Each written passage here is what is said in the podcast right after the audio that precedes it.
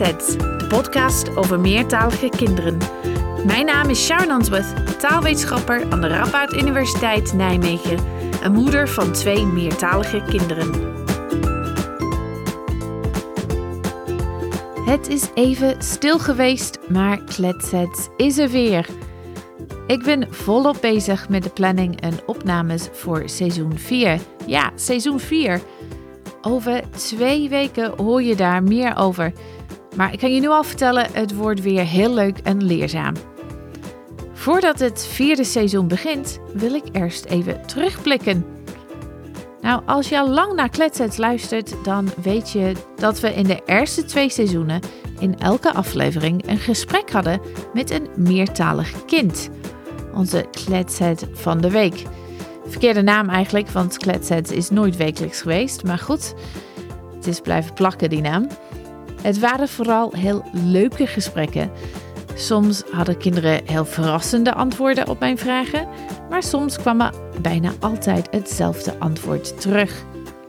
In deze speciale aflevering breng ik jullie de Best of, een compilatie van mijn favoriete stukjes van Kletset van de Week.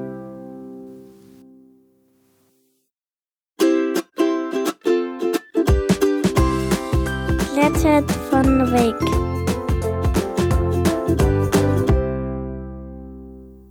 Aan het begin van mijn gesprekken met onze kleine kletsets vraag ik meestal hoe zij het vinden om meertalig te zijn. Het antwoord van de zevenjarige Macy was typerend. Mijn naam is Macy en ik ben zeven jaar. Ik spreek Nederlands en Slovaaks. Oh, knap hoor. En met wie spreek je Slovaaks? Met mijn oma. Met je oma. Hoe vind je dat eigenlijk, dat je tweetaalkunst? Normaal. Normaal. Ruurt, die naast het Nederlands ook het Fries spreekt, had een vergelijkbaar antwoord. Ik ben het gewend, dus ik weet ook niet hoe het is om één taal te spreken of tien talen bijvoorbeeld. Ja, het is gewoon normaal. Ja. Bedoel je dat? Ja. Veel kinderen vinden meertalig zijn ook leuk. Gelukkig maar. Als ik vraag waarom, krijg ik meestal te horen dat het fijn is om met andere mensen te kunnen communiceren. Bijvoorbeeld met familie in het buitenland.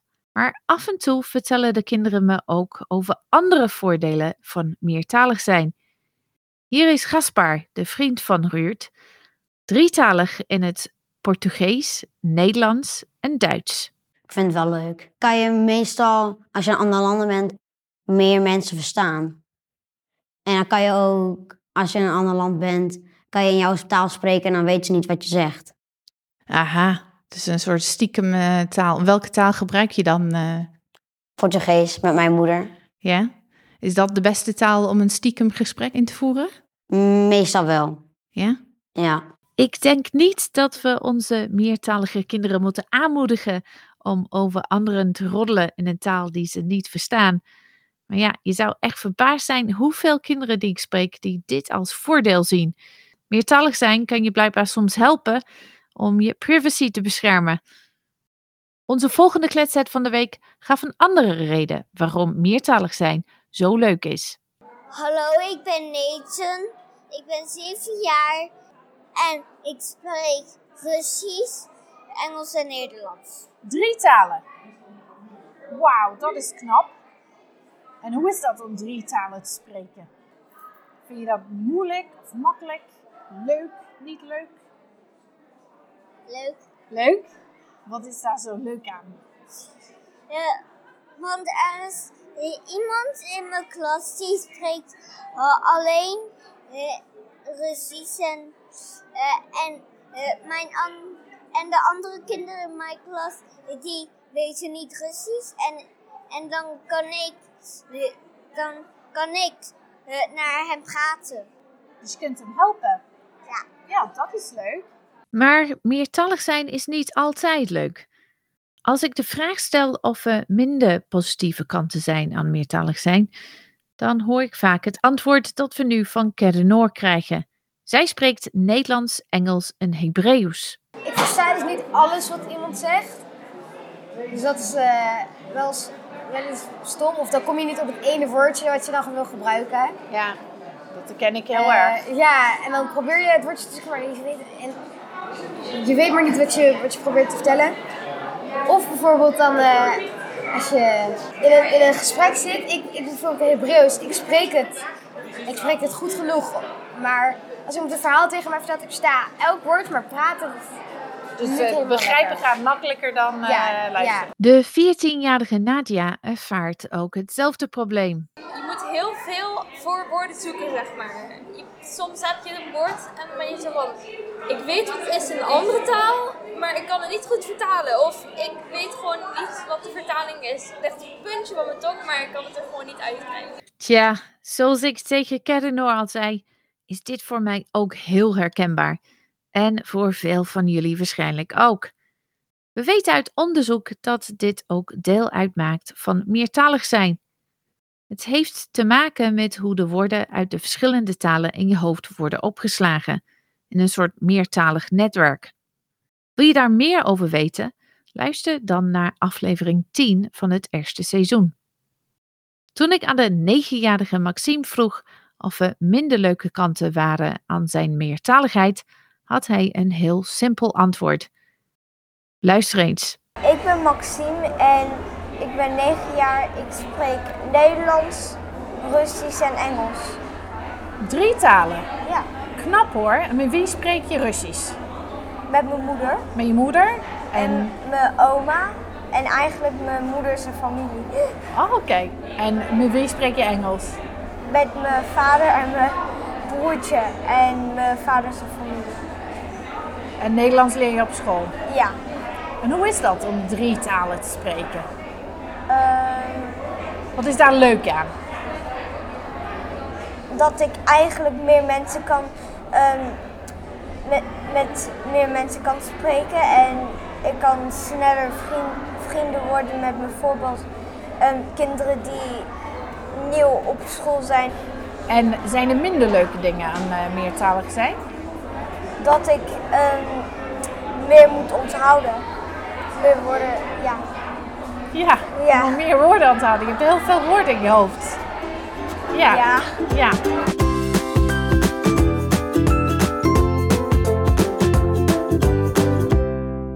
Weet jij in welke taal je droomt? Dit is meestal een vraag waar onze kletsers geen antwoord op hebben. Want ja, hoe zou je dat moeten weten?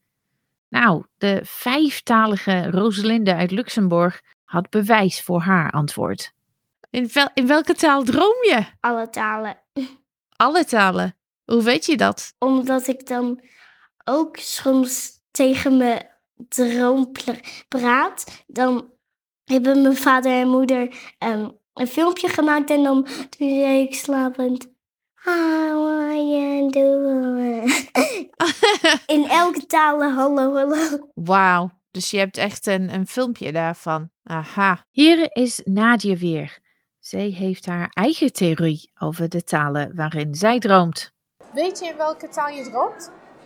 In welke taal ik Droom? droom? Ik weet niet. Ik heb het gevoel dat... In het dromen heb ik echt geen idee. Maar een gedachte is eerder... De, de wat lossere gedachten zijn in Nederlands. En dan de diepgaande gedachten zijn meer in Engels. Ik weet niet waarom. Maar- Nou, interessant. Een interessante theorie, inderdaad. Taal is natuurlijk een belangrijk deel van cultuur. En andersom heeft cultuur ook invloed op taal. Als je meertalig opgroeit, kom je vanzelf in aanraking met verschillende culturen. Wat doet dat met je en met je identiteit? Hoe beschrijf je jezelf als mensen die soms vervelende vragen stellen? Waar kom je vandaan? Hier had ik het erover met de 27-jarige Nodi. Nodi's ouders zijn vanuit Irak naar Nederland gevlucht toen hij baby was. Hij is dus in Nederland opgegroeid in een Irakees gezin. Dit is wat hij mij vertelde over zijn identiteit. Ja, dat is altijd iets waar ik zelf ook veel over nadenk of over heb nagedacht in het verleden. En ja, ik zou in eerste instantie gewoon zeggen dat ik een wereldburger ben. Zo voel ik me echt. Ja? Eh, wat dat betreft ben ik niet erg nationalistisch, maar ja, ik ben in mijn doen en laten en mijn humor ben ik wel heel Nederlands, zou ik zeggen. Ja. Of nou, westers. Ook in de manier waar, ja, waarop ik nadenk, denk ik. En de dingen die ik leuk vind om te doen, dat zijn wel dingen die worden geassocieerd met Nederland en het Westen. Maar heel vaak merk ik ook wel dat ik nou, toch een invloed heb vanuit mijn Arabische achtergrond. Een beetje temperament en een beetje. Ja, vooral dat temperamentvol heb ik heel erg meegekregen. En ook wel de chaotischheid soms. Dat ik het soms. eh, ja, Nederlanders zijn best wel eh, individueel Gericht. En het Ara- de Arabische cultuur is meer collectivistisch. En dat is altijd een tweestrijd voor mij. Dat ik eigenlijk heel erg in- individualistisch ben. Maar soms mis ik dat collectieve en mis ik de gemeenschap. Eh, dat gevoel wat, je, wat, wat ik heel erg meer krijg vanuit mijn familie. Eh, ja, dat is altijd, ik zit een beetje in het midden. Ik ben altijd een beetje zoekende van wie ben ik nou? Ben ik nou individualistisch of wil ik eigenlijk meer een groepsgevoel in de Mo- maatschappij? Ja, Moet je een keuze maken? nee. Nee. Dat is het ook. Je neemt uit alles, kies je iets wat, wat je mooi vindt en wat bij jou past. Wil je meer weten over identiteit bij meertalige kinderen en onder andere de rol van taalvaardigheid hierbij? Luister dan naar aflevering 2 van seizoen 3 van Kletsets. Daar gaan we hier dieper op in. In Kletsets hebben we het vaker gehad over hoe je als leerkracht om kunt gaan met meertalige leerlingen in je klas. Als ik een oudere kletset voor me heb, dus een volwassen persoon dan bedoel ik, dan vraag ik ze over hun ervaringen toen ze op de basisschool zaten. Werden over hun meertaligheid en hun culturele achtergrond gesproken? En zo ja, hoe dan? Nodi vertelde hoe het bij hem in de klas is gegaan. Vroeger vond ik dat, eh, ja, op de basisschool vond ik dat wel eens lastig. Omdat je dan, je, ja, ik ben opgegroeid in Gelderland, in een klein stadje. Dus er waren, in mijn klas waren er niet heel veel kinderen met een eh, ehm, eh, andere achtergrond. Of Ja. ja, een, anders dan het Nederlands. Ja, Ehm, dus dan voel je je wel alleen daarin. Of je wilt als kind gewoon hetzelfde zijn als de rest van de klas. Dus ik wilde ook gewoon eh, Jan heten en, of Bert. En ik wilde ook gewoon blonde haren en ik wilde ook gewoon blauwe ogen. En nu denk ik, oh nou vind ik eigenlijk heel leuk dat ik dat allemaal niet heb. En nu voel ik me juist, eh, nu, zie ik het juist als een meerwaarde dat ik eh, er anders uitzie, andere achtergrond meebreng. Maar als kind wil je gewoon niet anders zijn. Ja Dus- nee, na- natuurlijk. Maar toch, dan eh, vraag ik me af, zou er iets kunnen zijn dat men of in de, in de klas of zo zou kunnen doen om dat gevoel wat minder te maken?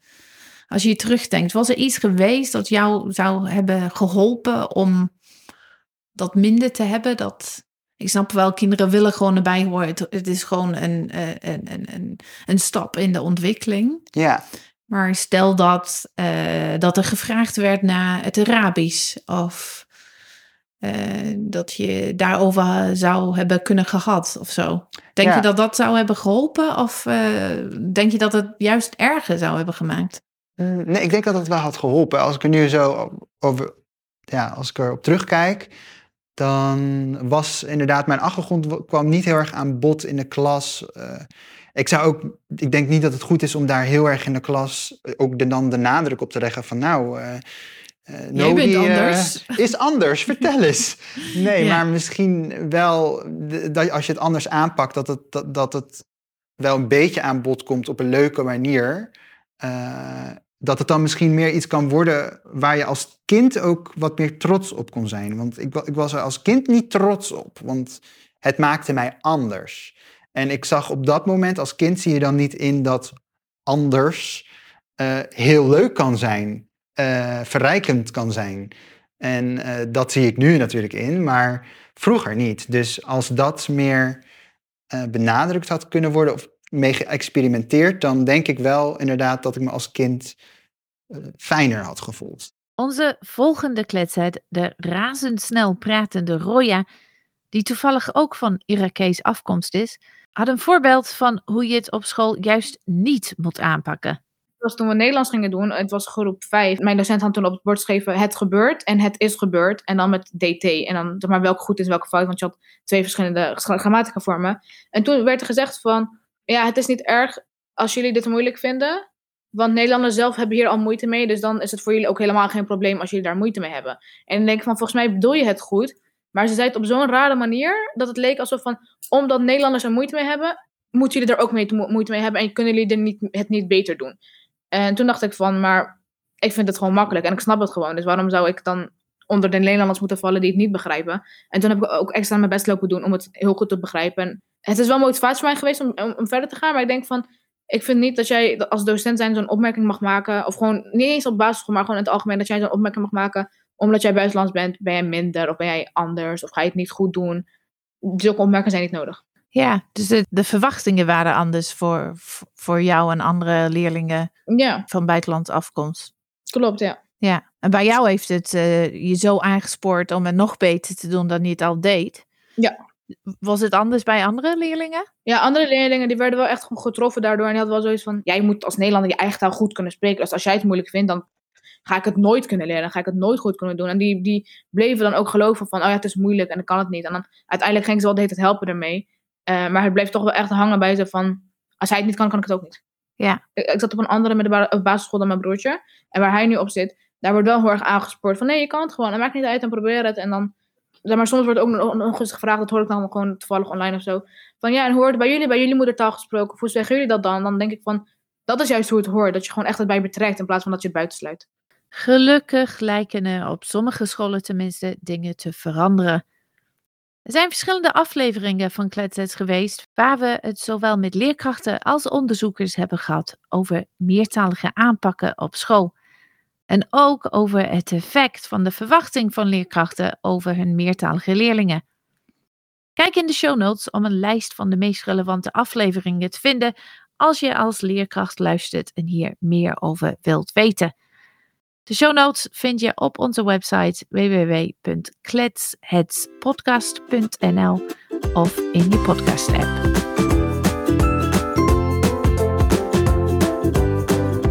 Een vaste vraag bij Kletshead van de week is of de kinderen mij iets willen leren zeggen in hun thuistaal. Ook al heb ik volgens mij wel een talenknobbel, lukt het mij vaak niet om de simpelste woorden te zeggen, tot groot vermaak van de kinderen.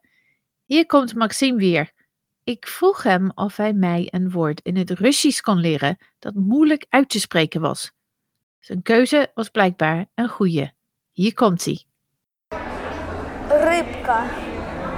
Rybka? Rybka. Ze moet eigenlijk Rupka. Rybka. Rybka. Doe ik het niet goed? Nee. Wat betekent dat? Vis. Vis? Ja. Oh jee. Dan, dan hoop ik dat ik geen vis moet bestellen als ik in een restaurant zit in Rusland. Maar soms lukt het me best aardig en slaag ik met vlag en wimpel voor mijn korte taalkursus. Aan het begin van seizoen 2 hadden we een hele aflevering over opgroeien met dialect. Want dan ben je natuurlijk ook meertalig. Daarvoor heb ik de 13-jarige Niels uit Limburg gesproken. Hier leert hij mij iets zeggen in het Limburgs. Ik kan geen dialect.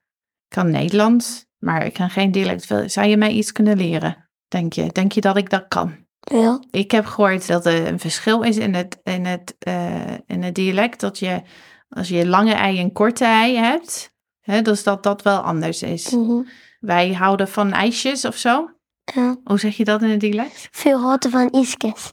Oké, okay, dan moet je wel ietsjes langzamer zeggen, want anders kan ik het niet. Veel houten van iskes. Vuur hoorden van iskes. Wat Bijna. Denk? Bijna? Doe het nog een keer, dan ga ik nog een keer. Vuur. Vuur. Hoorden. Hoorden. ik zeg het niet goed, denk ik. Van iskes. We hoorden van iskes. Ja? ja? Wat denk je? Wel, wat voor cijfer krijg ik daarvoor? Acht. Een acht? Nou, daar ben ik wel tevreden mee, zeg. Jeetje. Als onze kleine kletsheads ouder worden en misschien zelf kinderen krijgen, zullen ze zelf moeten nadenken over de taal of talen die zij met hun kroost gaan spreken. Daar vraag ik ze ook over. Vaak hebben kinderen hier om begrijpelijke redenen niet echt een uitgesproken mening over. Maar soms ligt de keuze volgens hen voor de hand. Hier is Niels weer. Als je ouder bent, en stel dat je zelf kinderen krijgt, hè? Dat je zelf papa wordt. Ja. Welke taal ga je spreken met je kinderen, denk je? Dialect. Dialect? Ja, waarom? En mijn ouders willen dat ook heel graag. Ja? Vind je dat ook belangrijk? Ja. Waarom? Omdat ik nou ja, altijd spreek en dat ik dan nog ben. Ja, dat niemand spreekt dan. Als ik dat niet doe. Ja, dus je wilt het blijven spreken? Ja. Ja. Hoe voelt het dan om dialect te spreken? Fijn. Fijn? En tenslotte horen we van de zevenjarige Ayaan, die uit Egypte naar Nederland is gekomen. Zij legt uit waarom het belangrijk is dat haar thuistaal wordt doorgegeven. Stel dat je ouder wordt en dat je mama wordt. Welke taal ga jij te spreken, spreken tegen, tegen jouw kinderen? Egyptisch. Dan kan ik hem ook leren om Egyptisch te praten. Ja. Vind je dat belangrijk? Ja. Waarom? Want dan kan ik daar naartoe en dan kan ik dan Egyptisch praten. Want als ik, daar, als ik niet naar Egypte kan, dan praat ik Nederlands en verstaan mij niet. Ja, kan ik me voorstellen. Slimme woorden van de zevenjarige Ayaan. Dat was het voor deze speciale best-of aflevering van Kletshead van de Week. Je vindt de links naar al de kletsheads die we hebben gehoord in de show notes. Half maart ben ik er weer met meer informatie over het aankomende vierde seizoen. Mocht je dat nog niet hebben gedaan, abonneer je op Kletsheads in je podcast-app en dan zie je vanzelf alle afleveringen verschijnen. Als je geabonneerd bent, dan heb je waarschijnlijk al onze andere bonusaflevering gezien. Een compilatie van alle talen die taalgids Sterre Leufkens jullie vorig seizoen over heeft verteld. Dus wil je meer weten over de thuistalen van meertalige kinderen in Nederland en België? Waar worden ze gesproken? Hoe zijn ze anders dan het Nederlands of juist niet? Dan luister naar die aflevering. Daar krijg je ook woorden en simpele uitdrukkingen te horen. Je hoort over Syrisch-Arabisch, Oekraïens, Pools, Tigrinya, Refijns, Pashto en tenslotte Turks. Veel luisterplezier en tot gauw. Wil je meer weten over Kletsets? Ga dan naar www.kletsetspodcast.nl. Daar vind je ook meer informatie over deze aflevering. Wil je geen aflevering missen? Abonneer je dan op Kletsets via je favoriete podcast-app. Kletsets vind je ook op Facebook, Twitter, Insta en LinkedIn. Onze naam uit Kletsets en al. Ken je iemand die de podcast misschien leuk vindt en die hem nog niet kent? Dan zou ik het heel fijn vinden als je hem zou delen. Bedankt voor het luisteren en graag tot de volgende keer.